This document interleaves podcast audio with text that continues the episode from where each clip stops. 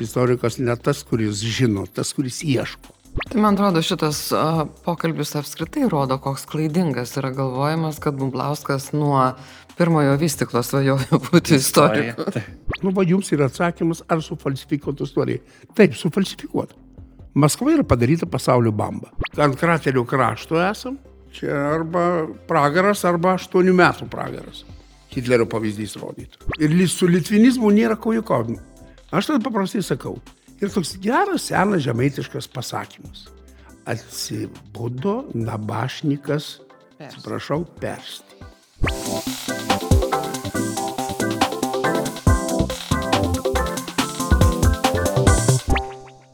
Sveiki!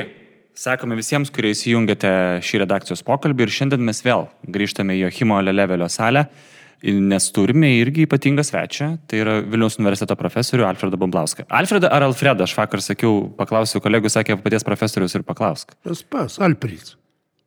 Sakiau, kad, Mama sakydavo Alprys. sakiau, kad, Žemaitiškai. kad jog žemaitis nesako. Nesako F Alfredas. raidės. A, supratau. Bet... Gali būti Alfredas, gali būti Alfredas. Čia Supratau. Bet jūs pats norėtumėt Alfredas tada. net, ne, aš sakau, kai reikia pasakyti, pasakyk Alpridėlį. Gerai. Vaikams savo sakau. Taip, nu, profesoriu, jūs turbūt vienas žinomiausių, nežinau, mokslininkų Lietuvoje, istorikų Lietuvoje, bet aš tokį než... klausimą norėčiau labai pradžiai paprastą. O kodėl jūs tapote istoriku? Mes pro- profesoriaus Rimvido Petrausko irgi panašiai klausim, kodėl jisai tapo istoriku. Nenorėjau įti į raudoną armiją. Tai toks viskas. paprastesnis toks. Bet tai kodėl tada istorija, kodėl, pavyzdžiui, ne chemija, ne Nu, geografija? istorija, koks čia mokslas. Nueini prie lentos, viską papasakoji, tau parašo penkis, tai nueini. Aha. Tik atminties. Labai gerai yra istorija Zubrilo. Pazubrinai šiek tiek, o jeigu dar Zubrilą? zubrint nereikia, nu, tai, žodžiu, nu aš aišku, kažkiek juokauju. Istorija yra rimtesnis reikalas, yra, bet man atrodė, kad istorijų nesimokydamas aš gaudavau penketus. Kitur reikėjo daugiau mokintis, o baisiai nenorėjau eiti į kariuomenę. Ir tada galvoju, nu kur, kur eiti lengviau. Ir viskas taip ir atsirado istorija. Bet aš jau po pusmečio norėjau mest, aišku, po to po penkių metų norėjau mest, Taip. po to po aštuonių metų norėjau mest, visada norėjau mest.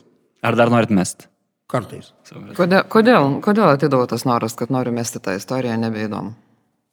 Nu, dėl to, kad tarsi nerasdavai, ko, ko, ko, ko tikiesi iš, iš pažinimo, iš pasaulio supratimo ir taip toliau. Jeigu tik nueini į tokius lankas, kur užtenka būti pašto ženklų kolekcionieriumi, nu tai neįdomu. Ir tada tu galvoji, nerandi kažko. Tada, tada atrodo filosofija kokia nors, sociologija, kas tik nori, astrofizika kokios nors žavį idėją, pavyzdžiui, man įskaičiau iš Pasaizė Kazimovo, kad visos kiti atomai yra iš sprogusių saulių vidaus. Supernovų. Fantastiškai idėja. Nu, fizikų nori būti. O dabar tiesą sakant, istorijoje jį revoliuciją daro genetika. Nu, žodžiu, mūsų kilmių teorijos visos, ką tik pažiūrėjau filmą apie Himlerio, Abe, e, Anen Erbe, protėvių tos paieškos. Nu, blūdai kokie tie. Hitlerininkai kokie, kaip ir visi. Visi žiūriu, despotai labai susimėgauja su tokiais pseudo mokslais. O genetika pastato viską ant rimtų dviejų. Tai jau, nu, prašau. Jūs sakėt, kad mm, jūs pasakojate, atini prie lentos ir papasakoja apie istoriją. Ir jūs esate tas istorikas, kuris pasakoja įdomiai žmonėm e, apie istoriją, sudomina žmonės istoriją. Ko reikia, kad, e, kad žmonės susidomėtų istoriją, kad, kad žmonės klausytų? Aš taip, man atrodo, kad aš neįdomiai pasakoju. Ir aš nelabai mėgstu pasakoti. Man atrodo, kad pasakojimas jau yra toks ant, antrinis darbas. Pirmiau turi būti savo galvoje aišku. Tada galbūt gali ir papasakot. Man didžiausia problema yra, kaip su vaikais bendrauti, ypač su paaugliais. Pasakau, kartais atrodo nepasakojus. Nieko tu neišpasakoji. Žodžiu, aš nelabai tikiu tą tokią filologinę, retorinę istorijos prigimtimi. Man atrodo, kad istorija turi būti, bet kuriuo atveju, Markas turbūt blokas yra sakęs, istorikas ne tas, kuris žino, tas, kuris ieško. Tai va, tas ieškojimo krislas, jis, jeigu jo nėra, tai ką čia papasakos? Tas ieškojimo krislas kiek buvo svarbus renkantis laikotarpį, kuriam skiriat savo profesinę veiklą?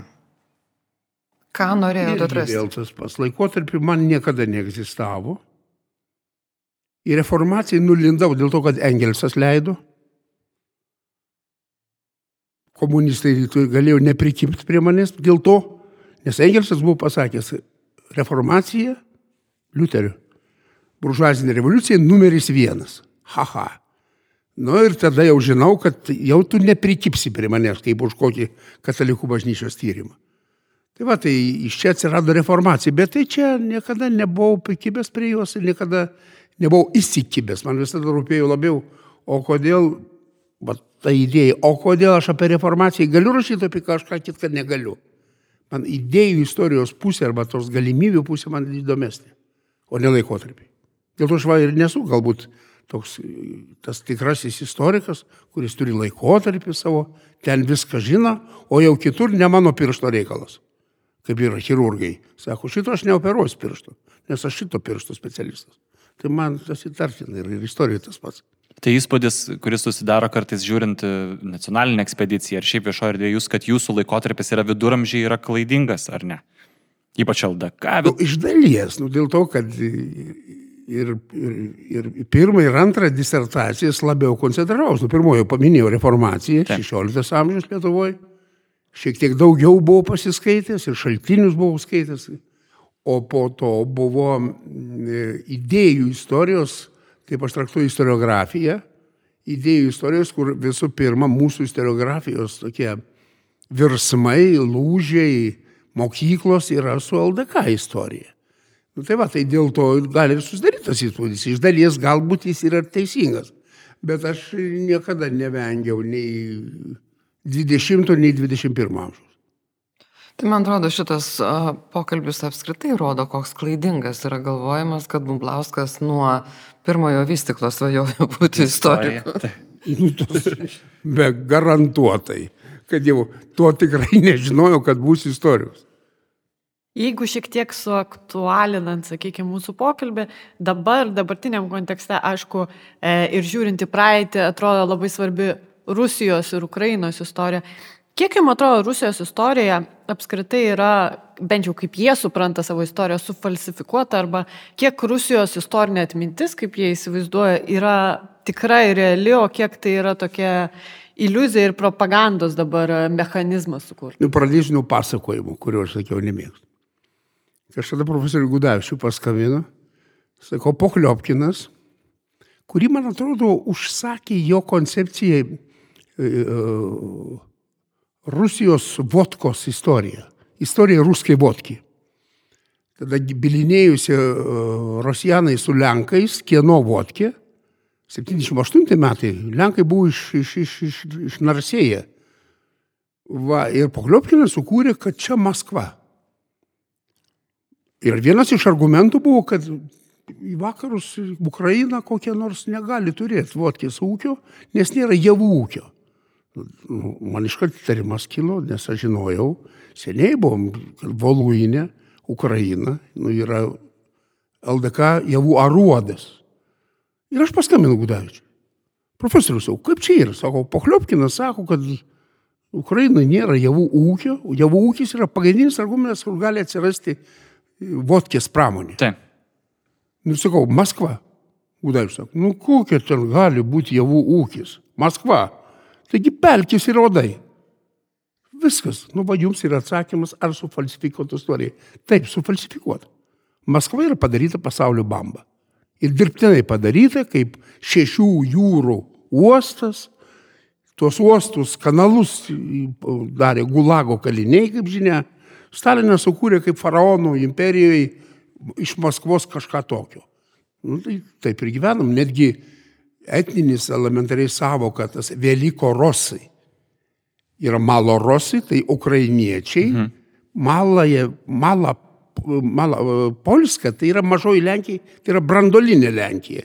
Didžioji Lenkija, tai yra kas jau yra užimama. Tai kažkas panašaus ir su Rasija yra.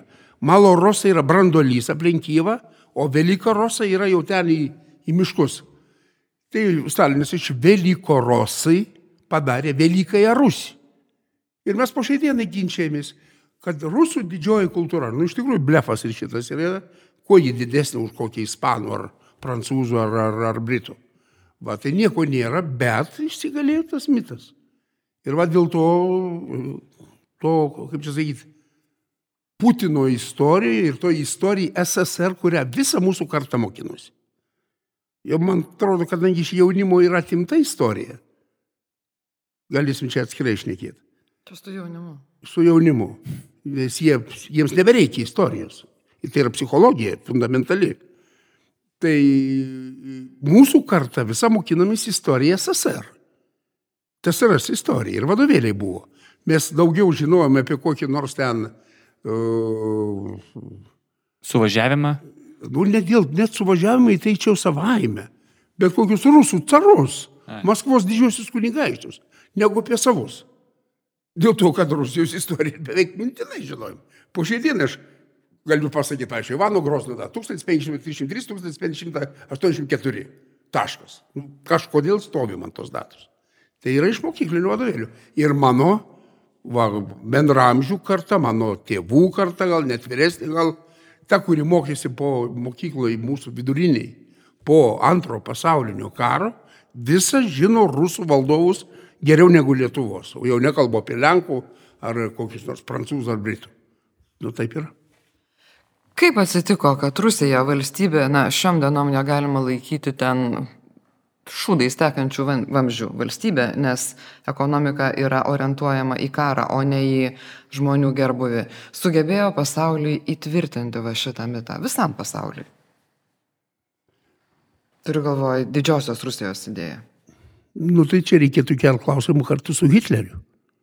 O kaip šitas kretinas sugebėjo įtikinti tokią galingą naciją kaip Vokietija? Nu įtikinu kažkodėl tai. Kažkokie Nürnbergo suvažiavimai kokie, o Jėzau, Kristau galvoj, kas čia vyksta? Pamišo nacija. Nacija Bacho, Goetės, Šilerio. Tai kažkokiu būdu atranda yra psichologija. Nors aš nelabai noriu tikėti, kad tai yra kažkokie tai yra magija. Man čia šiek tiek per toli nuo tokio pozitivistinio mokslo. Visai toli jau. Nors į pozitivizmą ne iki galo tikiu. Bet tai Hitleris įtikino, taip ir Stalinas įtikino. Hitleris turėjo Hanuseną, Stalinas turėjo e, Mesingą. Nu taip toliau, apsistatė magais ir va kažkokiu būdu veikia ta, kad pats fainiausias koks nors rusų liberalas pakrapštyk, nu jis vis tiek bus įstikinęs, kad Krymas yra jų. Čia, man atrodo, kvailas lietuvių klausimas yra. Paklaus, kieno Krymas. Nu, aš apmeluosiu elementariai. Aišku, kad ukrainiečių, aha, aha. O toliau, ką noriu, tą darau. Tai žodžiu, to melo ir tos apgaulės, tai čia kiek tik nori. Ir čia matyt, reikia tokio psichologo kaip Styvas, Styvas Berods, Milgramas, kuris įrodė, kad paklusnumas yra žmonijos genuose. 80 procentų žmonių paklūsta valdžiai. Dėl to man patinka Timotis Snyderį paskutinį knygą apie tironiją. Pradeda nuo Milgramo eksperimento šito ir pabaigia nepaklust. Čerčilis būtų paklusęs Hitleriui. Būtų visą kitą pasaulio istoriją. Žodžiu, mokintis nepaklust. Turbūt tai yra. Kiek uh, žiūrint iš istorinio taško, uh, ar buvo kada nors laikotarpis, kai Rusija nebuvo imperialistinė valstybė? Nežinau. Nu, nežinau, nu, kai atsistojo tik tai jau iš Maskvos, kai pradėjo virsti kažkuom, o čia jau mūsų laikai, čia Aleksandras Jogailaitis, kada aukojasi, veda Eleną Maskvos kunigaikštystė, jau tada jau prasideda ta politika rusų žemių rinkimas. Kur po to Jekaterina pasakė, kad nieko svetimo nepaėmiau, viskas čia mano savo. Tai va nuo, nuo 15-16 amžiaus sandūros dar buvo balansas. Janonas Ivinskis yra sakęs, kad lemtinga data Lietuvos istorijoje 1492 metai. Prasideda Maskvos Lietuvos karas.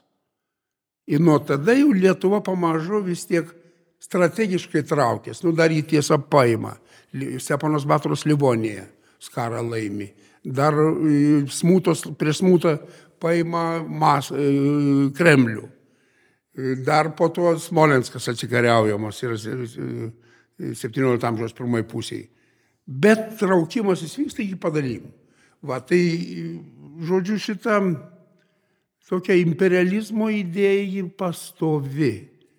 Jie yra, mes matom, nuo Ivano III, ketvirtas, Aleksėjai Mikhailovičių, kuris pirmas Vilnių paima, po to mes matom Petro I, Jekateriną. Nu, galbūt švelniausias yra, drįšiu manyti, Aleksandras II. Tas, kuris rašė laišką Linkaliu, kad mes abu kauname su vergyje. Mm. Aleksandras II laikina baudžiavą. Nu, bet tai atkreipkite, žiūrėkit, mūsų sąmoniai, jis tarsi tas Aleksandro antrojo valdymas yra absoliučiai apsivertęs aukštikojom. Nors ten jis duoda prisiekusiųjų teismą. Zemstvas miestuose tarsi tokia yra e, miestų nu, rotušių pirmtakas. Bet mums tai yra kas? Ji baudžiava su sukilimo numalšinimu. Didžiosios represijos. Ir mums tas yra Aleksandras II nueina į šoną visiškai. Ir kada nebuvo Rusija imperija, nu, norėčiau sakyti Kerenskio laikais, pusę metų, prie laikinosios vyriausybės. Bet ir tai, baltieji nebuvo ypatingai noro turėjo Rusiją išdalyti. Ne, ne. Žodžiu. Yra toks mąstymas, kad galbūt Jelcino laikais. Gal. Nu, va, būčiau pridūręs, birutė. Gal Jelcino laikais. Bet Čečenija iš karto. Atkreipkite dėmesį. Ir pirmas karas, ir antras karas. Tai Čečenija pasitraukė, o tai jau Putino reikėjo, kad antroji karą. Žodžiu, tiesą sakant, va, ir nežinau, kada Rusija yra neimperialistiška. O kiek sovietmetis yra svarbus Rusijai? E, savo identitetą turime į pasaką, nes toks jausmas, kad atsimenama su didybė, su to, kad na, Rusija dar tada buvo iš vis jau tokio dydžio, kad čia visas pasaulis klaupėsi prieš juos. Bet toks jausmas, kad norima prie to grįžti po truputėlį. Na, nu, tai tas imperializmo požiūriu, tai Rusija iš tikrųjų tapo galybė antrąją pasaulyje. Jei ne pirmąją, kaip jau besakytume. Tai dviejų valstybių, šaltasis karas yra dviejų valstybių priešstata. Sovietijos ir, ir Amerikos. Va, tai, tai tie, kurie nori tos Rusijos galybės ir netgi dalis baltagvardiečių, jie sveikino raudonuosius. Čia yra da, dar kartą, žodžiu, Rusijos pasirodymas galingoj pusėje, o gal net galingesniai. Ta Putinui Kodėl jis nenori Stalino, jokių būtų atsakymų prie Stalino? Nu, Rusija kaip niekada turbūt buvo galinga. Turbūt. Vis tiek sugebėjimas vandeninę bombą sukurti. Kaip Hruščiovas kokiam 22 turbūt suvažiavime sakė. Iš, iš, išbarškėtų viso pasaulio langai. Bet iš nenorim, nes ir mums patiems išbarškėtų. Hruščiovo žodžiai. Tai, tai va, nu, va kada galingiausia Nu, turbūt po Stalino iš karto. Tada, kada jau Gagarinas atsiranda, kada bomba atsiranda. Ir tada visam pasauliui atrodė, kad tuoj, tuoj. Netgi kokie 80 metai jau Gudavičius sakė, turbūt nugalės. Ir po to jau Gudavičius permastė. Sako, nu, bet atsirado Reiganas, atsirado Tečer. Ir čia buvo tie žmonės, kurie Gudavičiaus, mano mokytojo, manimų, nu, ištraukė pasaulį iš tos tokios kanalo, kuris jau sekė paskui tos Maskvos kanalus. Ar galima sakyti, kad dabar mes turim laikotarpį panašų galimo lūžio laikotarpį, kad Rusija arba susbyra, sakykime, tos jos imperinės užmačios ir kėslai, nes atsiranda lyderis, kaip savo laikų Čerčilis arba Reiganas arba Thatcher, arba mes esame ant kažkokios prarajos ir galim turėti blogesnius dalykus. Ir taip, ir taip. Nu, 37 metai, Vokietija. Jau aiškiai ruošiasi atšliusui Austrijos. 38 metai, tuo pat bus Müncheno suokalbis, tuo būt bus Sudetai, tai bus Čekija. Ar kas nors gali... Turbūt vis tiek niekas netikėjo, Britai netikėjo, kad Hitleris užkurs tokį pragarą. Čimberlinas. Antrą pasaulinį karą. Ar ne? Taip. Antra vertus paguodžia, kad niekas netikėjo, kad netruks ilgiau dešimtmečių. 307, 45 metai, 8 metai. Tai va, man čia iš vienos pusės tokie dvipusiai jausmai. Bet Ir, ir krateris, ant kraterio krašto esam. Ir nežinia, kuo pasibaigs, o kartu, jeigu ir nepasibaigs, tai galbūt neilgam. Bet didelės pagodos nėra. Čia arba pragaras, arba aštuonių metų pragaras. Hitlerio pavyzdys rodytų. Aš šiek tiek pradedu nusivilti vakarų. šiek tiek. Šiek tiek. Nu, ironiją pajutau. ne šiek tiek. Kodėl? Nu, šiaip kažkodėl man atrodė, kad jau pernai pavasarį jau atrodė viskas, jau reikia NATO stogo. Nei to stogo, nei to nieko. Ir ta Ukraina sustojo. Aišku, sustojo ten, kur Dniepras. O Dniepras man buvo toks įtarimas kilęs, kaip ją forsuoti. Dniepras yra ne upė. Upė panaši gal yra Švento Laurino upė Kanadoje, kur perplaukti neįmanoma, kur vokiečių podvandeniniai laivai plaukdavo iki Kvebeko. Dniepras yra jūrų jūra. Prasidedant nuo Černobilio, Kievo jūra ir taip tolin, tolin, tolin, eina vos ne iki pat Limano. Ten to tikro Dniepro, kur, kur kanjonė tekėtų labai nedaug. Tai yra jūrų jūra. Tiltai po keliolika kartais kilometrų tęsiasi. Va, tai kaip ją šturmuoti, tai yra gamtinė riba. Ir va, bet ukrainiečiams kaip tą suvokti? Kaip Poltava, iš kurios yra kazokija, geroji kazokija, tikroji, ukrainietiškai ir iš kairiakrantės Ukrainos. Tai čia va didžiulės tra traumos mąstymė. O profesoriau, dabar mes, kadangi šiek tiek palėtėm apie šios laikus, kaip jums atrodo, vat, kaip e, istorikui tikrai tokiam, dabartiniai laikai, ar ne, vat, sakykime, nuo 2020-ųjų aš taip imčiau iki kažkiek į ateitį. Uh, jūsų vertinimu, nežinau, po 20-30 metų iš tie, vat, 8 metai 9 bus istorijos vadovėliuose, ar bus, tarkim, užmiršti kaip kokie 2007-2012. Nu, žinot, Tuo karu turit galvoj? Taip, apskaitai su visuo, kas vyksta. Nes būna, žinot, nu, vadovėliuose bent jau kaip, kaip mes mokytomės, ne, nugi, tu nesimokai visų dviejų tūkstančių metų. Vis tiek mokais esminius momentus. Ar šitas, tai šimtmetis dabar, sakykim, yra esminis ir bus vadovėliuose kaip kažkoks esminis, ar ne? Kaip jums atrodo? Kad bus vienareikšmiškai, aš tik tai galvoju, su kuo prilyginti dar panašiai, kaip jūs klausit istorijai. Kada reikia mokintis ne šimtmečius, o metus konkrečius. Tai Lietuvos istorijai konkrečius metus reikia mokintis 18 amžiaus gale. Kai reikia žinoti ir ketverių metų Seimo pradžią, Padalymus, ir gegužės trečios konstituciją, ir jo pataisą metų gale, ir karą 92 metų pasibaigusi gėdą Liepos 23-osios, ir padalymą antrąjį, ir Kosiuško sukilimą, ir trečiąjį padalymą. Va, iškart eina įvykių sutankėjimas. Nu tai mūsų čia su, su Rusijos įsiveržimu į Ukrainą karo pradžia, tas įvykių sutankėjimas gali būti, bet jis bus tada, jeigu Ukraina pasiektų pergalę. O jeigu išsitęs viskas į kažkokį pozicinį karą, tai mes tada turėsim tą visą karą matuoti. Kiek jis užtrunka. Anglijos prancūzijos karas truko šimtą metų. Taip. Šimtamečiai karai kartais būna istorijai. Ir nieko nepadarysi. Ką mokytis iš šimtamečio karo? Nu, atsimenam Žaną Dar kokią. Bet, bet tik tai kažkaip kažkokį netikėtą įvykį. Ir viskas. O šiaip šimtas metų. Tai čia kažkaip, nu, ar baisokama. O Rita čia sakė, kad Rusija galbūt gali sugriūti arba mes galim būti ant bedugnės krašto. Ar jūsų požiūriu iš istorinio lauko įmanoma, kad Rusija apskritai kada nors taptų vat, normalia demokratinė valstybė, Kaip žmogus taip kaip mes suprantame draugiškas kaimynas. demokratinė valstybė? Nu, norėčiau čia šiuo atveju tik pasiremti. Mano bičiulis Borisas Čerkasas, su kuriuo esu laidą padaręs Kijeve. O mes su Rita kartu buvom toj pačiam cikle pasiekilaitį. Tai su Borisu šnekant jis sako, Rusija gali tapti normalia, jeigu ji atsidurs Vytauto laikuose. Kada buvo daug rusų kunigaikštyjų. Tverė, Vladimiras Susdalė, Rezanė, Novgordas, Pskovas. Tada įmanoma. Borisovui. Galbūt. Apie tai kažką panašaus šnekėjo ir Andrijus Sakarovas, atkreipkite dėmesį.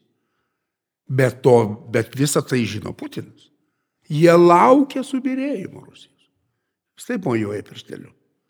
Nu va, tai mes čia stovim prieš alternatyvą. Gal ir įmanoma. Aš tikiu, kad, pavyzdžiui, kol egzistuoja koks nors Andrijus Sakarovas, jau minėtas arba to Andrijus Pionkovskis, pavyzdžiui. Negaliu atsižavėti. Kol yra tokių rusų, tai aš negaliu pamest vilties, kad Rusijoje gali būti žmonės. Ir dalis rusų yra tie, kurie ne su Putinu, o jau seniai nepu, neputinijoje. Ir jie yra, nu, nu, su kuriais bendraujam. Tas didysis, o tikrai didysis menas, nu koks nors, nu kaip Betarkovskis Andrėjus. Genijusgi, visi pripažino. Ir didieji italai su Feliniu priešakį ir kas tik nori. Tai va. O ko trūksta iš vakarų, kad Rusija galėtų tapti normaliu draugišku kaimynu? Kitaip tariant, ar čia yra tik tai lyderių klausimas, lyderių nebuvimo klausimas, ar čia yra per didelė idėjų kova? Gal net taip gali būti. Nes vakarai turbūt, jeigu labai norėtų, galgi galėtų padėti su Ukraina dabar nugalėti Rusiją. Nu, Timotis Snyderis ką tik pasakė, kad egzistuoja neišvengiamybės istorija. Nu, Fukuyama pasakė, istorija pasibaigė, liberalizmas nugalėjo ir taškas. Ir užmiršo visi istoriją. Va kodėl jaunimas yra be istorijos. O kam ta istorija reikalinga? O ką tu čia be išmoksi? Gyvenam laimingą pasaulį. Aš tai nesutinku. Nu, gal išimtis esi.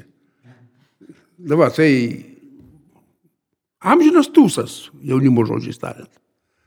Ir jeigu šitaip, tai tada tokiu atveju m, iš vakarų, jeigu tas tūso, atsiprašau, kad šneku neteisingai. Viskas gerai, tikrai. Čia viskas gerai. Čia viskas buvo- gerai, čia jo.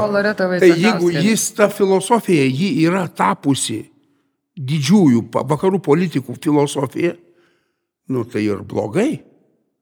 Nu tai tada teks ne kartą nusivilt, kad yra pamesta didžioji, nu pavadinkime, Europos ir vakarų idėjos ta ašis, kuri ateina nuo graikų senųjų, kuri ateina nuo Periklio laikų, Aristotelio, Sokrato ir perima Romą. Roma sukūrė tą pasaulį su teisės primatu ir nuosavybės principų, jūs proprietas, proprietatis. Tada perima Frankai, tada ateina į vakarų pasaulį, renesansą. Jeigu šitą idėją tu pamesi, o rusai seniai pametė, arba net nenorėjo ieškoti, dorai nenorėjo ieškoti, nu tai tada mes ir turėsim tokį, nu, chaoso pasaulį.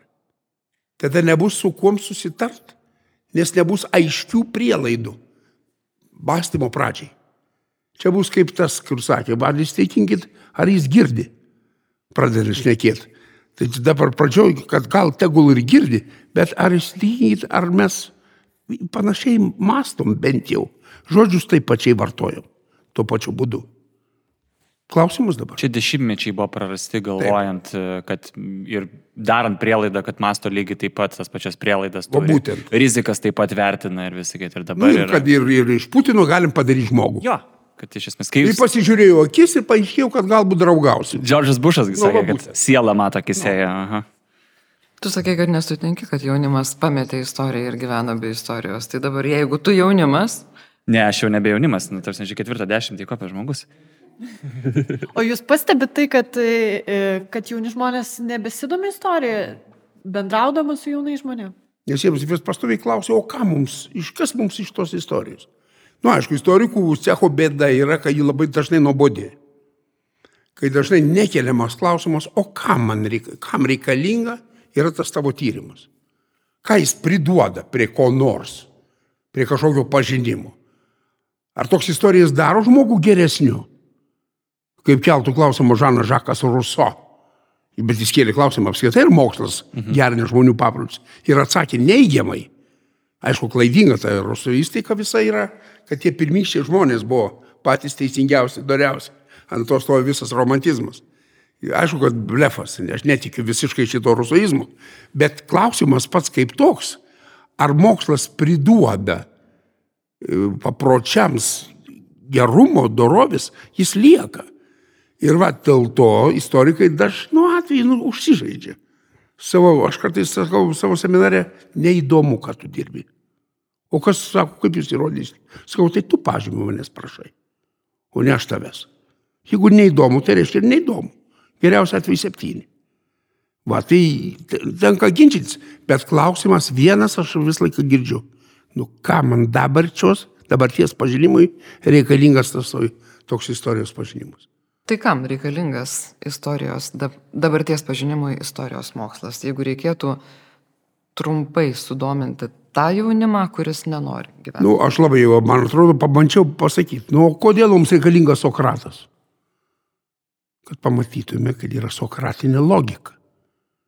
Ir kad žmogus be logikos yra nesusišnekėsi. Vadinasi, logikos reikia mokintis.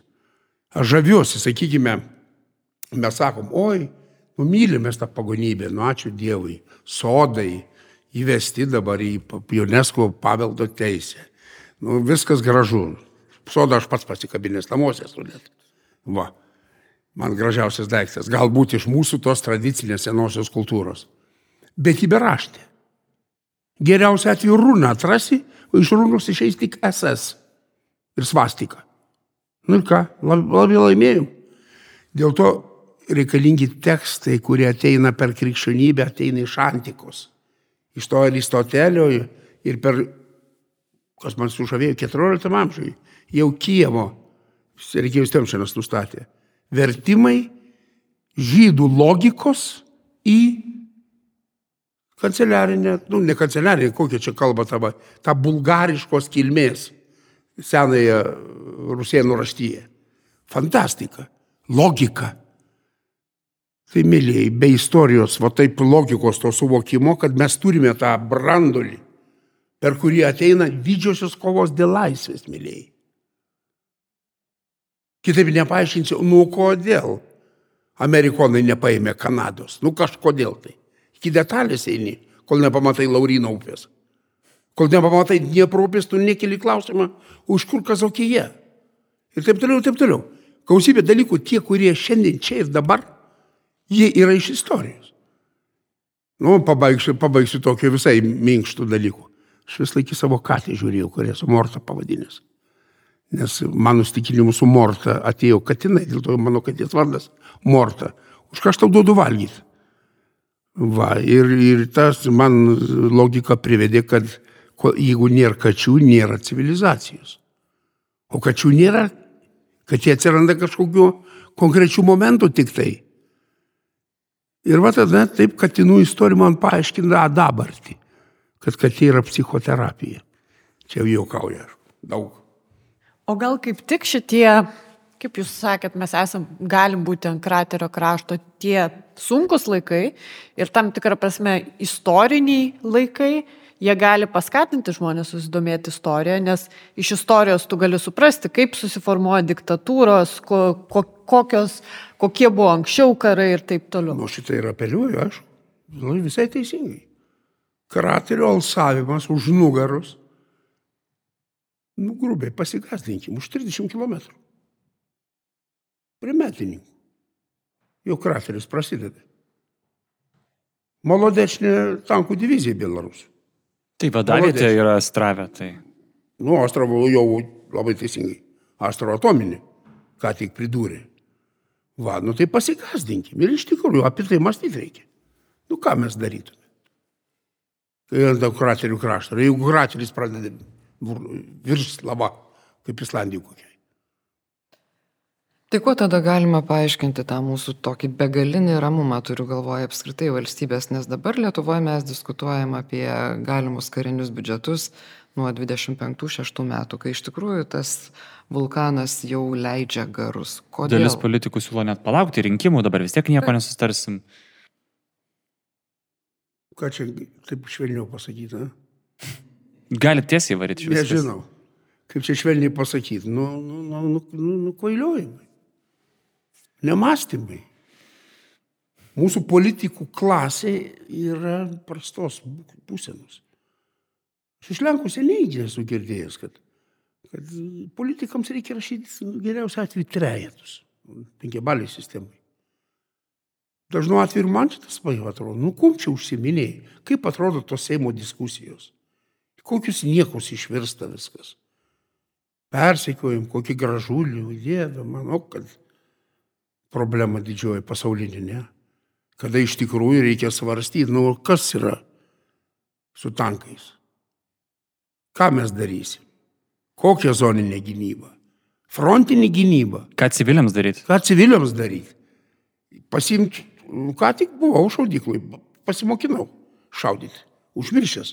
Kažkada kaip pabradęs karininkas, mes karinėme miestelį turėjom baigti kaip karinė katedra. Mokėjau geriau šaudžiau, man atrodo, dabar prašiau. Bet pasimokinau.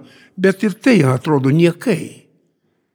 Man atrodo, kad šio laikinis, kai yra Borisas Čerkasas, sako, nebetinka jokie kariniai vadovėliai. Nebetinka nei Klausevicas, kuris yra karybos genijų laikomas. Viską pakeitė dronai.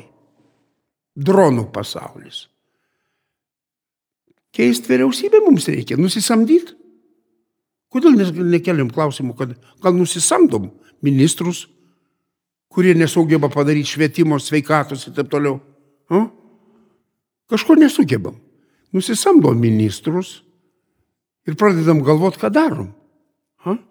O iš ko samdom? Nu, kam sekasi?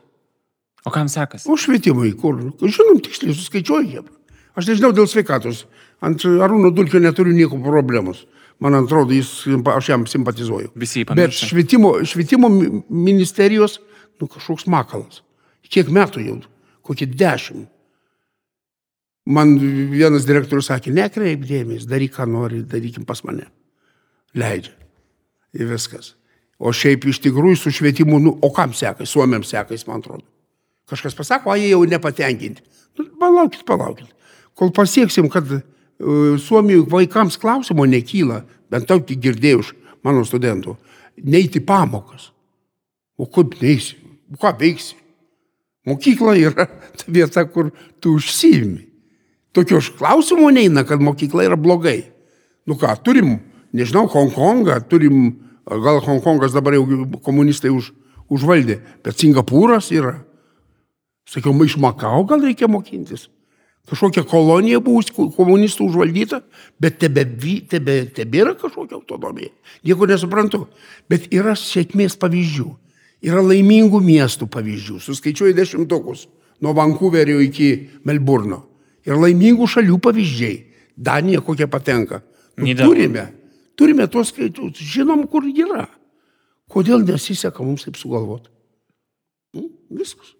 O kalbant apie tą ramę visuomenės reakciją, aš prisimenu, skaičiau uh, Cvaigo memoarus prieš antrą pasaulinį karą. Jis rašė tokią citatą, kad didžiausia mūsų kaltė buvo tai, kad mes iki paskutinės akimirkos tikėjom, kad sveikas protas nugalės ir kad tai neįvyks.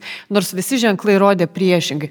Gal čia yra tokia, aš prisiminiau, uh, skaitydama šitą citatą, tiesiog prisiminiau Ukrainos karo reakcijas, kaip pas mus, net kai JAV žvalgyba sakė, kad bus karas, daugelis netikėjo, kad tas karas bus. Dabar mes labai ramiai gyvenam, nors e, vėlgi netgi savo, kad keli metai galbūt liko iki kažkokių karinių veiksmų.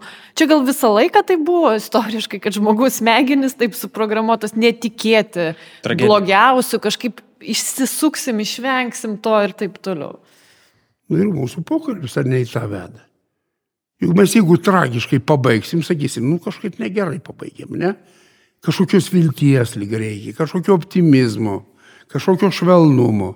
Visada nu žmonės kažkokio norim. Viens kitam kažką gerą pasakyti, atrodytų. Ir netikim blogiausių. Bet pasirodo, reikia ruoštis blogiausiam. Gal ir netikėt, bet ruoštis reikia. Tikėjimas kaip netikėjimas. Bet kodėl e, ruošiantis, iš tikrųjų reikia būti pasiruošus blogiausiam, bet kodėl žmonės, kalbėjom apie tuos 80 procentų, kurie paklūsta, kodėl žmonės reikia ruošti tam, kad laisvė yra vertybė ir juos reikia mokyti, kovoti ir norėti laisvės. Atrodytų, tai yra taip natūralu.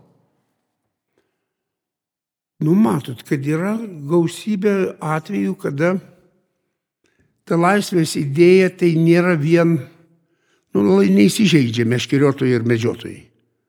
Kad vien tik laisvė pamedžioti pameškerioti.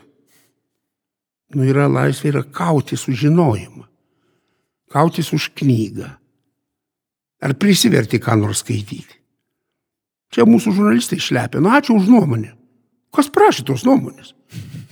Jau knygos nesiskaitęs, nu? Kada paskutinį kartą knygą skaitėjai? Pavadinimą prašau. Nepasakai du. Šalin, nėra klausia apie ką aš nekėt. Nėra pas mus nu, idėjų, žinių, pagarbos. Kaip ta laisvės idėja tada atsiras? Ja reikia įrodinėti, už ją reikia kautis, ją reikia apmastyti. Kas yra ta laisvė? Dar sėk sakau, ne tik žvejyba, ne tik turizmas, kur dabar galim išvažiuoti į Turkijas ir kur tik nori.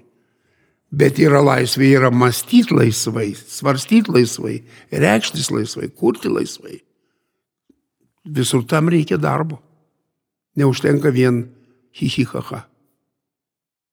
Tai reiškia, žmonės tingi mąstyti ir kurti? Kodėl ne? Viskam, viskur, kur reikia darbo, visur mes pagalvokim, patingim. Man irgi atrodytų, reikėtų dažniau eiti baseiną, o neinu. Išsisuku kažkokiu būdu. Bet šaudyti eina. Bet, nu, bet va, prisiverčiau tarp kitkų irgi pagalvojau, nu reikia, kad ir per speigų šitos. Nu, kažką, nu, ne, čia, par mažiausiai. Tai, žodžiu, kiekvieną, nu, mes su, sutikim, kad kūryba ir darbas, ir mokymas tas pats, švietimas yra darbas. Kad tu mokais dirbti, mokais knygas skaityti, mokai skaičiuoti, mokais rašyti. Nu, Disciplinos mokais. Disciplinos mokais. Taisyklių mokais. Bet taisyklių irgi nėra civilizuoto gyvenimo. Kartais aš irgi paburbu, kartais užklysta ta mūsų lietuvių kalbos komisija. Kartais sakau Zanavykų kalbos komisija. Vieno rajono diktatūra. Nu, bet be taisyklių kalbos irgi nėra reikalo. Kai tu išgirsti, kad Seime sakoma, aš skaitau, kad mes matomai pagrindė ant to ir ėjome. Tai kur mūsų kalbos komisija? Vienam sakinys šešios klaidos. Tokiais atvejais kalbos komisija sako, mes renkamų į valdžią žmonių kalbos nekontroliuojam ir nereguliuojam. Nu, labą dieną. Bet kontroliuoju niekus. Ten, kur yra grubios klaidos, nu, kažkodėl nekontroliuoju. Aš žiūriu, kad kiekviena beveik mūsų laida yra apie kalbos komisiją. A, ne? Vis labai daug, Nėra. labai Geras. daug pašnekovų mini šitą dalyką. Kalbant šiek tiek apie kitą temą, kaip jums atrodo, kodėl, bet ta tema ir ta pati, kodėl istorinio atminimo, pavyzdžiui, antrojo pasaulinio karo pokario žaizdos mums dar tokios skaudžios. Pavyzdžiui, diskusijos apie pam- paminklus įvairius, tai labai gerai parodo, kiek mums skaudu vis dar tas yra. Nu tai, kad skaudu ir yra. Mes neturim jokio tik, tikslių atsakymų. Ne vienu atveju. Ilgai partizanai ignoruoti. gi. Ilgai e, galiojo tik tai, kad egzistuoja, nu, tokie verkiam dėl tremtinių. Bet tremtiniai ir politkaliniai skirtingi daiktai. Politkaliniai gaudavo 25 metus ir ten kažkur, Sibirė iš, iš Gulago stovyklų išleisdavo jau į, į tremtį. Tai esu vat, paprastas dalykas, kur nesusimastom, nesusidūrė nei su tuo, nei su tuo, kad čia likio skirtumo, o kai kam skaudu. Vat mažą pavyzdį pasakiau. Ir gausybė tokių neįvertintų dalykų. Ir tie neįvertinimai, jie pamažu laikas gydo, aišku. Ateina žmogus, kuris pasako, taip reikia mąstyti. Reikia kažką atsiminti. Reikia kokį nors, nu, dar aš atsimenu studijų metais, tik apie kokį Ramanauską vanagą mes žinojom. Gandras buvo mūsų nacionalinis paukštis, o ne sakalas ar vanagis. Nu ir taip toliau. Tai va, tai ateina šitas, tai dėl tų skaudulių pilna. Pilna mūsų, nes nešnekėjom apie holokaustą. Pilna, iki šiandien dar turbūt nesuvokia, kad, kad visi miesteliai, visi, pabrėžiu, Lietuvoje yra su štetlais. Su kuo? Su štetlais, žydiškais miesteliais, žydiškom dalim. Kartais net jie turi atskirą, tarsi tokį, nu, vieną, nes Kahalas valdo, tai yra nepavaldy, tai civiliniai A, administracijai. Tai va, tai visi jie yra tokie. Dingo visi. Ar esam apmastę? Čia gailėnė kažkada jau prieš kokį dešimtmetį pasakė, trauma, ką jie mums su mumis padarė. Tad 20 amžiaus vidurio tos traumos, nacijų ir, ir, ir stalinoidų, nu tai ir jos yra mums dar nesuvoktos iki galo. Ir matyt, dar iki po šiai dienai mes dar ne viską esam turbūt suvokę, apmastę ir suradę sprendimus ir, ir vaistus. Ar čia galima nusirašyti kitų valstybių patirtį kaip švietimą, sveikatos apsaugą, nes turbūt yra valstybių, kurios anksčiau pradėjo apie tai kalbėti, nes buvo laisvos ir turi sprendimus ir dėl tų pačių išžudytų žydų atminimo ir pagerbimo ir suvokimo aplinkybių, kad jos nebepasikartotų. Ar čia nėra įmanoma nusirašyti ir kiekviena tauta turi savo skaudžią patirtį praeiti pati. Labai sunkus klausimas. Nu, pavyzdžiui, vakarams holokaustas sunkiai suvokiamas. Nu, iš Tarantino garbingi šunsnukiai mes matom tą žiaurumą, bet yra Olandų vienas istorikas parašęs, geležinkeliai veikia tiksliai. Olandai supakavo policiją. Olandijoje nacijai leido e, civil verwaltung, tas vadinamasis civilių valdymas, mhm. atidavė Olandams. Pas mus civilverwaltungas yra ne, yra nacijų kontroliuojamas. Tai ten Olandai sutvarkingai supakavo savo žydus ir išsiuntė juos Vensimą. Ir tarsi niekas Olandų holokausto ir nebekaltina. Jie nei, nei šaudė, net nesaugojo, nes stovyklos ne Olandijoje, atkreipidėmės. Tai va, taigi dabar ką daryti? Čia vienas, kai ryškus pavyzdys, kaip dėl holokausto visiškai skiriasi atmintis. Antratminis. Sakykime, ten, kur yra uh, holokaustas Lenkijoje, pavyzdžiui. Netgi ten, kur buvo Stalino zona, vienokia holokausto patirtis. Kitoje erdvės pusėje prie Lomžos kitokios patirtis. Ten, kur buvo enkavedistų žydų, ant NKVD įsiūtis nusikreipia ir ant žydų. Kas tą apmastys? Visiškai kitos patirtis. Tai va tai ir viso tas pats istorija. Me mums nesupras, pavyzdžiui, sakykime, turbūt kokio nors Ruandos genocido. Tarp kitko labai man pasirodė netikėta. Dniepre buvo Dniepropetrovskas miestas kur Kolomojskis, vienas iš oligarchų Ukrainos, sukūrė žydų centrą. Didesnis, man atrodo, net jeigu jie dvašamas. Į ten visi genocidai krūvoj.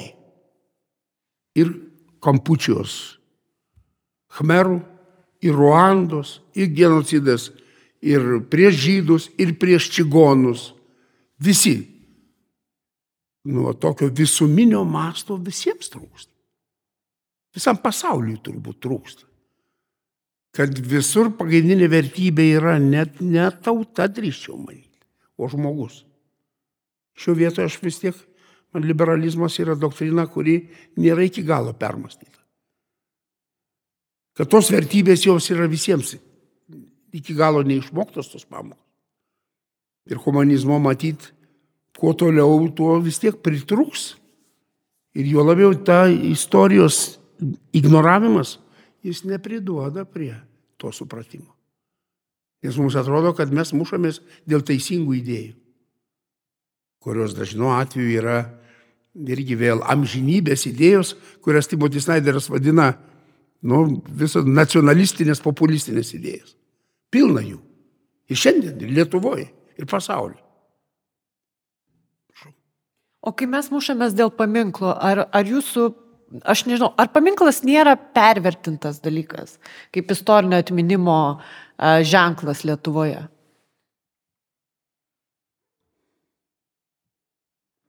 Nežinau, kaip atsakyti. Ir pervertintas, ir, ir nedavertintas. Tyčia pasakiau, nedavertintas. Kalbos komisijai klausykitės. Man broninis savo kinas taip leido sakyti. Pilti ir nedapilti ir ne tas pripilti ir ne, neda, nepripilti ir nedapilti ne tas pats turinys. Bronys Aukinas, metras lietuvių kalbotyros, man taip atrodo. Tai nedavertinta yra problema, ta prasme, kad nemokam paminklų normaliai padaryti. Daug kur, sakykime, nu, kad ir mūsų tie abrozdai tokie, nu, jie yra socializmas. Nors atrodytų socialistiškai padaryta kitiems herojams. Žemaičiui tą pačiam ar dar kam nors. Tai nemokam daryti paminklų. Nemokam arklio padaryti. Jeigu arklio nepadarai, tai reiškia, negali sukurti kanoninio valdovo. Kanoninio. Kuris turi turėti halaviją, taip ar taip, ar taip. Skiriu irgi skirtingi kanonai kažką kitką reiškia. Nemokam. Ukrainiečiai mokėjo, kažkodėl kauniečiai nudžiovė. Vilnių neprireikė. Žodžiu, su paminklais blogai yra ir dėl to nedrįstu labai sakyti, kad jau reikia daug tų paminklų. Kartais pasigirsta tie balsai, kad gal apsiraminam. Nu, iš tikrųjų gal apsiraminam. Bet tik tai nepradėkim sakyti, kad balsavimais nugalėjo koks nors ten e, Lūkiškio šitas pilimėlis, keršim balsų, nu Eurovizijoje tiek net negalioja. Čia paminklo likimą nulėmė, keršim balsų. Nu labą dieną. Tai žodžiu, su paminklais netvarka yra. E, Su pačiu kūrimu. Ar jų trūksta? Karts galvoja, kad vis tiek kartais trūksta. Juk kai kas yra pamatęs Berlyno, sakykime, holokausto muziejų, nu, tai padaro vien einant per raidžių kažkokį tratėjimą, atrodo, kaip per kaulus. Nesubėjus, aišku, gaila. Bet padaro milžinišką emocinį įspūdį. Nu, tai va, tai vadinasi, ir taip, ir kitaip. Sakau, birutė. Ir reikia paminklų, o ir nereikia. Gal reikia kvotą įvesti paminklams? Gal, o kodėlgi ne? Nu, kodėlgi ne? Bet tikriausiai yra ir- ir... Atsiprašau, būtų įvadami. Varšuvai pilna yra paminklinių lendų Varšuvos sukilimo e, žmonėms. Bet atkreiptiems šalia Varšuvos geto. Nelabai. Čia iš komunizmo laikų. Tai paveldas toks eina. Varšuvos savo sukilimą tą labai myli, kurį laukia, kad Stalinas ateis į pagalbą. Labą dieną, jis neėjo į pagalbą, tai ko, ko jūs norėjot iš, iš Kraugerio. Bet Suomijoje, aš atsimenu, nerandu niekur žiemos karo. Galvoju, gal jie čia rusų bijo. Ir klausiu Suomi vieno, ar jūs be pakartotumėt žiemos karo? Jis sako, taip mislingai atsako, o pas mus tik tai 3 procentai vaikinų renkasi alternatyvą, alternatyvę karinę tarnybą. Ta prasme, slaugai, slaug, slaug, slaugučiais dirba, nu, slaugiam vyrais. Va, 3 procentai, taip pat sako man, pakartotų. Bet paminklų, ne, ne, nu man ir heimui stovi, galingas toks. Aš jau buvau nepamatęs, kai aš užklausiau. Bet tik tiek, yra kažkokios galbūt kvotos, ką žinau. Ir tikriausiai yra ir kitokių atminimo formų arba, nu, nebūtinai paminklai, aišku, yra lentelės, yra ten, nežinau, vardų iškalimas pastate ar, ar taip toliau. Ta prasme, kad formų yra įvairiausių, kaip Be galima prisiminti. Bet man vis tiek kartais trūksta elementarios informacijos. Šitam name gyveno tas ir tas, ir gal net negyveno. Mirė, nu, ne, man neįdomu niekada. Sukurtas daiktas. Nežinau, romanas, simfonija, kas nors. Čia, tame name tada. To man trūksta. Ir pasaulyje, tarp kitko, trūksta šiek tiek to. Ir, ir, ir Lietuvoje jo labiau. Susimastytum, kad daug dalykų, į, į, į kuriuos atsimeni iš istorijos, iš kažkur gal buvo Čia pat. čia pat prie Jo, būtent. Vienas iš dalykų įprasminti atmintį yra filmai. Ir jūs paminėjot a, laimingus šunsnukius. Ten yra detalių iš a, Kobos, Avos Kobnerio gyvenimo. Bet aš noriu klausti, ar lengva istorikui yra žiūrėti filmus apie istoriją? Kaip jūs darot? Keigėtės, ginčiatės? Sunku, nes pastoviai kabinėjas. Pastoviai stabdai, jeigu yra galimybė. Dėl tų istorinių filmų net nelabai mėgstu žiūrėti kino teatre gal. Bet dirbti, tu žinai, kad jau dar kita darbo forma, beveik tas pats, kas atskirai knygą skaityti, tai istorinį filmą žiūrėti. Tai mm, dėl to, kad pats sugauni save, nu nesikabinėk prie detalių. Ne detalės esmė. Bet kartu užkliūva ta detalė ir galvoju, nu ne, netikiu aš to tavim visku. Jeigu tu jau meluoji ant detalės, tai iš kur man tikėti, kad tu viskas pas tave tikra. Žodžiu, problema yra. Jūs prieš pokalbį sakėt, bet mes šito neįrašėm, kad jūs esat litvinistas. Kodėl? Ne, tai aš kažkiek juokais. Žinau. Čia šia, šiais laikais juokau šitą temą, to jau pat. Visų pirma, visi politikai labai nemėgsta humoro. Jie visi ir Zelenskis, komikas buvo, žiūrėkit, ypač diktatoriai. Visi nemėgsta teatro, nes teatras gali apgauti, sumeluoti, įtikinančiai. Va, dėl to e, ir su litvinizmu nėra ko juokauti. Aš tada paprastai sakau. Ir toks geras, senas žemaitiškas pasakymas. Atsibudo nabašnikas, atsiprašau, persti. Ir Marita pasakė, aš ačiū Dievui. Gerai. Puikus pasakymas. Lastauskas, Lasdynų pelėdos vyras. 20 galbūt ketvirti metai, Zenobutkaus, jeigu paklausti, man atrodo 24. Atvyko į Rusijos, jau Sovietų Rusija, ambasadą Kaune ir pareiškė, kad lietuviai gyvena su svetimu pasu. Mes esam litvinai, o jie čia šamoitai. Šimtas metų lygiai dabar. Ir kur buvo dabar tie mūsų nabašnikai? Atsibūdų perst. Atsibūdų, o Jėzus Marija, vagė istorija. Nu seniai pavokta, seniai vagė seniai nesuradė mes atsakymų, kaip ginčytis ir taip toliau. Tai man čia žodžiu kažkiek net piktai, kad, kad, kad sakau, kai mes su nacionalinė ekspedicija 16 metais nuo, net ne 16, a 16, teisingai, čia plaukėm iš Nemono nuo aukštupio, atplaukėm iki Druskininkų ir Kauno. Tai ten mums Alėsius Bėlai rodė Nalibokų kyrę kaip potencialią Lietuvos ribą rytuose. O jis ir yra litvinistas. Jis sako, čia Lietuva. Čia ta Nemuno aukštupio Lietuva. Bet tik tai Nemunas nuo Nemuno į šiaurinį krantą. Ten, kur Naliboko giria, po to įteka Beržūna, iki Beržūnos mąstė klimas. Ir mes žemėlapius tebe kaipuojam. Va kokia Lietuva. Tai ką mes darysime su ta Lietuva? Mąstysime kažkokiu būdu.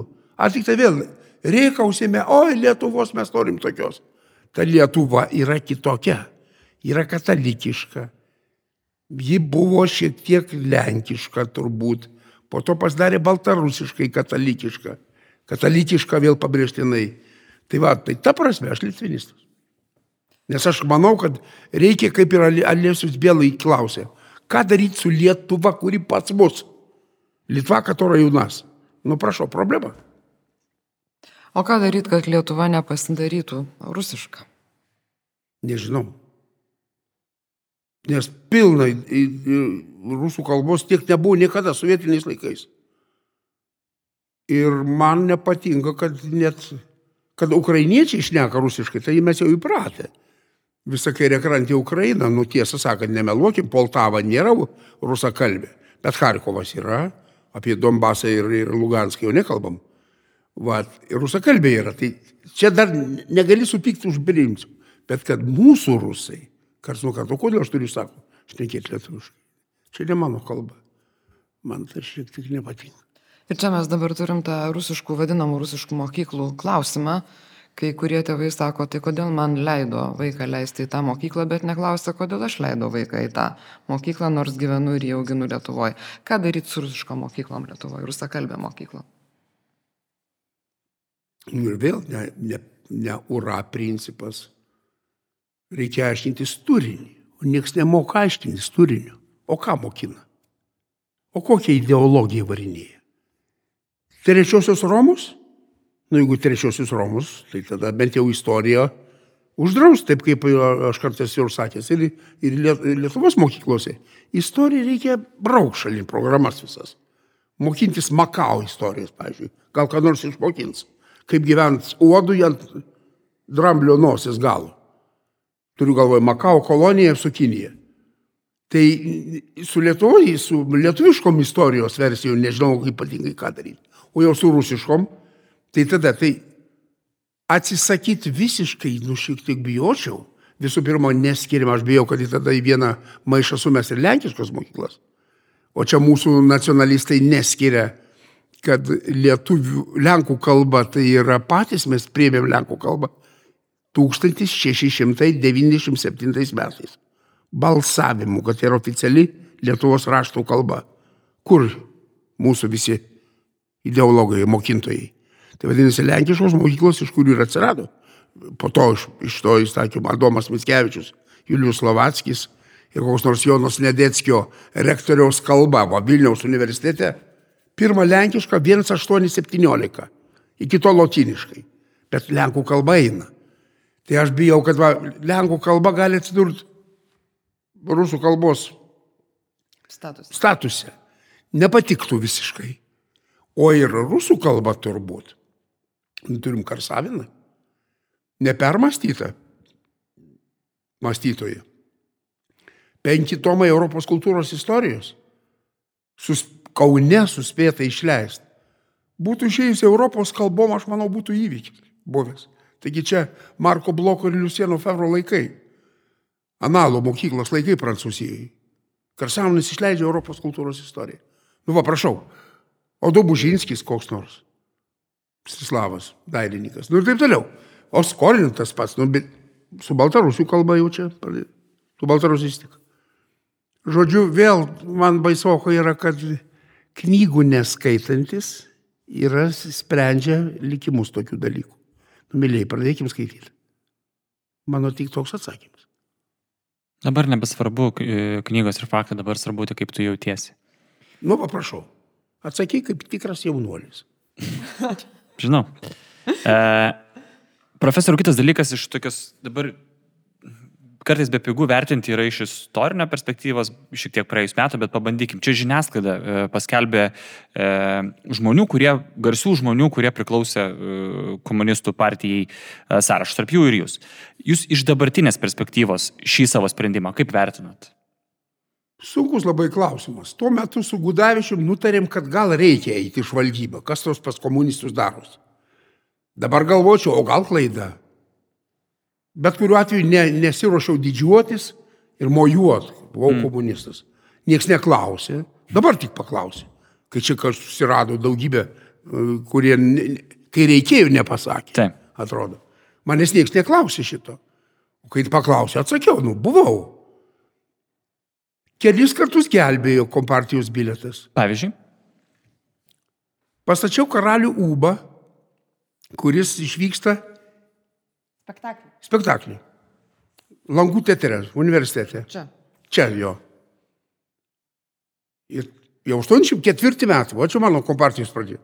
Išvyksta Bubas kariauti į Rusiją. Prisiplėšia turtų. Grįžta iš Rusijos ir sako, prisiplėšiau. Čia jums auksas, čia jums kapeikos. Meta korkas, sumuštinis kamštukus ir meta po 5 rublius buvo užskaitytas po vieną kapeiką. Pasirodo, čia buvo Sovietų sąjungos įžeidimas, nes įžeidžiau TSRS herbą. Nu, nesvarbu. Tai norėjau mane kažkaip jau čiupti. Jau visai. Kompartijos narys buvau. Ir atsijėmenu Juvencijus lapę atsistu ir sako, nu, reikia kažkaip dirbti su jaunimu.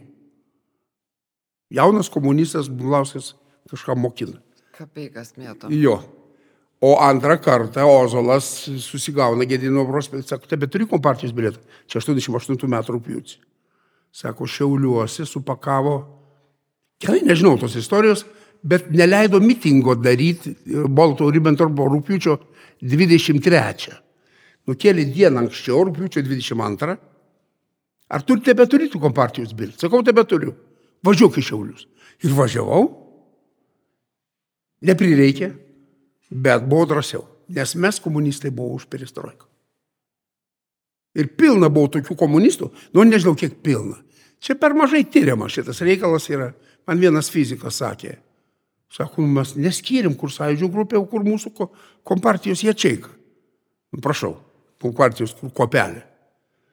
Tai turėkim galvoj, kad po to Visi sako, o Brazauskas priversas buvo. Galbūt Brazauskas gal ir taip, bet žymi dalis komunistų, tie, kurie sukūrė neplatforminį, LKP balsavo už nepriklausomybę. Kažkodėl to niekas neakcentuoja. LKP neplatforminiai buvo, buvo yra kovo 11 signatarai. Tai čia vėl atsibudo Nabašnikas tą daryti. Tai. Užmiršo, kad Brazauskas jau išrinktas buvo prezidentu, o Ozolas buvo sąjūdžio lyderis. Ką daugiau čia pasakysi? Istorija apskritai tikriausiai priklauso nuo žiūros taško ir kai, e, kaip jums atrodo, ar teisinga iš dabartinių laikų pozicijų žiūrėti su tokia nu, moralinė nuostata, nu, moraliniu tokiu tarsi primetimu į tos žmonės, visus, kad jie neteisingai darė ir taip toliau, kai, kai vis tiek dabar jau lengviau šiandienos taško tą pasakyti. Nu, moralės niekur nedingsi. Vis tiek tas klausimas bus. Ar reikėjo taip elgtis? Nes visi žiūrėkit, man dar ryškiausias pavyzdys ir birželio 15, 400 metų birželio 15. Nu visi žino, kaip smetona reikėjo elgtis. Ar ne?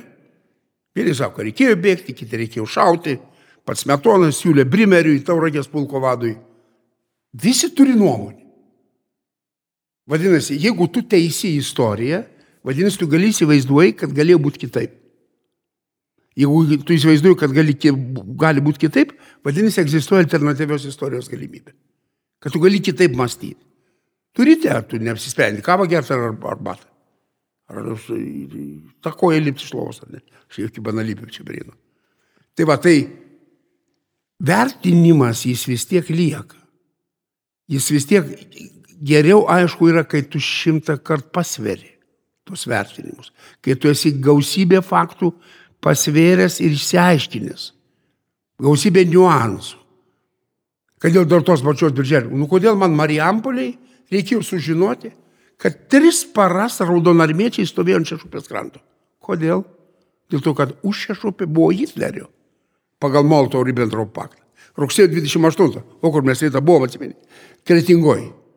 Kada Sąjūdžio Ozolo Vilniuje atsisakė minėti antrąjį Molto Ribbentropo paktą, 88 metais. Sąjūdis netyčia liko tik kretingoji. Ir tas rugsėjo 28-osios istorija netyčia iki galo išsiaiškinta. Kad dalis Lietuvos pagal tą paktą buvo likę Hitlerio zonoje. Į tą vadinamąjį užšešupę. Ta užšešupė po to Stalinas pirko iš Hitlerio. Tai galite įsivaizduoti, va tokie paprasti niuansai, jie dabar tik tai dar, tik apmastai, kad tą reikėtų klausimą kelt o net jau nebesiaiškint. Tai nes niekas iki galo neaišku. Tai va, kol tų dalykų nesam padarę, kol tu pats to nesi padaręs, gausybės niuansų, nu kaip tu gali iki galo pasmerkti? Tu gali turėti nuomonį, kad gal galėjau kaip nors kitaip būti, bet iki galo vis tiek tvirtai nepasakysi. Ačiū profesoriu. Aš gal e, dar tokį Pabaigai, norėčiau paklausti, gal jūs, šiandien kalbėjom kelis kartus apie jaunimą, ar jūs va, turėtumėt kažkokį, nežinau, patarimą žmonėm, dar kažką, kažkaip, kaip, kaip žiūrėti į dabartinius laikus, nežinau, uh, vieni sako, tik kažkaip nusiraminti, kiti sako, kad nereikia alarmai skambinti. Kaip pat jūs kokį duotumėt patarimą, gyvenant, kaip jau pats, kaip šiandien, kaip ir suprantu, nutarėm, istoriniais laikais? Čia be to, kad reikia skaityti knygas. Jo, jo, čia tas be to, kad reikia skaityti knygas. Ne, nu visų pirma, džiaugtis, kad mes gyvenam 30 laimingiausių metų Lietuvos istorijai. Bent jau taip kol kas pasakysiu. 30. Taikingiausių, sočiausių, jaunimiškiausių, nebereikia mąstyti apie istoriją, metų istorijai. Tai tą mums reikia džiaugtis, ką turim. Aš netikėjau, aš 88 metais mitinguose, kai aš buvau sąjūdžio, kas, kaip mes įsiterpsime tą pasaulį? Ką mes turime idėjų, kurias galima prakišti? Bijojau, baisumo. Man atrodo, kad yra penki, kokie protingi žmonės Lietuvoje ir visus juos pažįsti. Paaiškėjo, kad ne tik, kad atsistojom ant kojų, įsiterpėm. 50 procentų BVP dabar skaičiuoja. Nu, kažkokia fantastika. Tai va, aš manau, kad mes pabaigim su viltim, kad mes gražiai pragyvenom. Daug dievė, kad nepasibaigtų. Tik tiek. Čia taip visiškai optimistiškai, Optimistiškai. kad ne paskutiniai 30 metų. Kad jo. Taip. Kad ne paskutiniai 30 metų. Ir kad žmonėje iš tikrųjų sugebėtų, aš aišku, šiek tiek bijau. Biliardų bijau. Man patinka milijardieriai pirmieji Tomas Okmanas ir Eimuntas Sabaliauskas, tesonetai. Tomas Okmanas mūsų studentas, tarp kitko. Pats prisipažino, kad paskaita, aš buvau pas juos paskaitoj, jie milijardieriais tapo šitą firmą mūsų. Aš bijau kitų milijardų. Aš bijau, kad per mūsų šitą 30-metį, kol mes gyvenom, laimingą Lietuvos, žmonė padidėjo nuo 6 milijardų iki 8 milijardų. Nu? Čia yra pamatas šakys problemų. Ar užteks vandens, ar užteks maisto, jeigu neužteks mušimės. Ir mušys visi. Ir aš bijau, kad čia yra turbūt visko pamatas nuo žmonijos pradžių. Gudavičius klausdavau, oi, baltų vienybė kokia. Sakau, nu pamato gimbutienės aprašyti tie senieji baltai viens kitą, bet jie yra vienas kuršis, o kitas žemaitis. Ką daro tarp, tarp gentis teritorijai dygra? Gudavičius sako, mušasi. Mušasi. Taikingos gyvensenos zonos yra, yra iliuzija ar laikinumas. Dėl to mums reikėtų išmokti pasauliui visą mąstyti apie ir žmogiškumą, ir tai, kaip sugebėsim sugyventi. Ir šiuo atveju džiaugtis mokslu. Nes tuos 8 milijardus turės suvaldyti kas? Mokslas. Ar pramaitinsim vieni kitus? Bus didžioji problema ir tada paaiškės, kad tie karai yra išvestiniai turbūt. Nei moteris čia kaltos, nei vyrai. Ta, Ana, pabaiga labai. Aš žinau, kad man atrodo, aš imsiuosi jau ir padėkų. Ačiū profesoriui. Ir baigsiu šitą pokalbį, nes kuo toliau, tuo neoptimistiškesnis optimizmas. Ačiū labai dar kartą. Ačiū. Iki.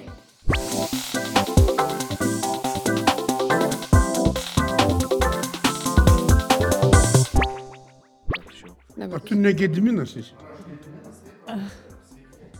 O kaip buvo, Kaip pas- pasitaisęs.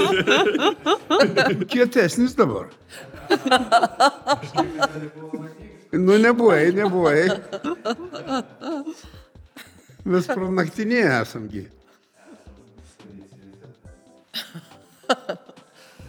Čia tas.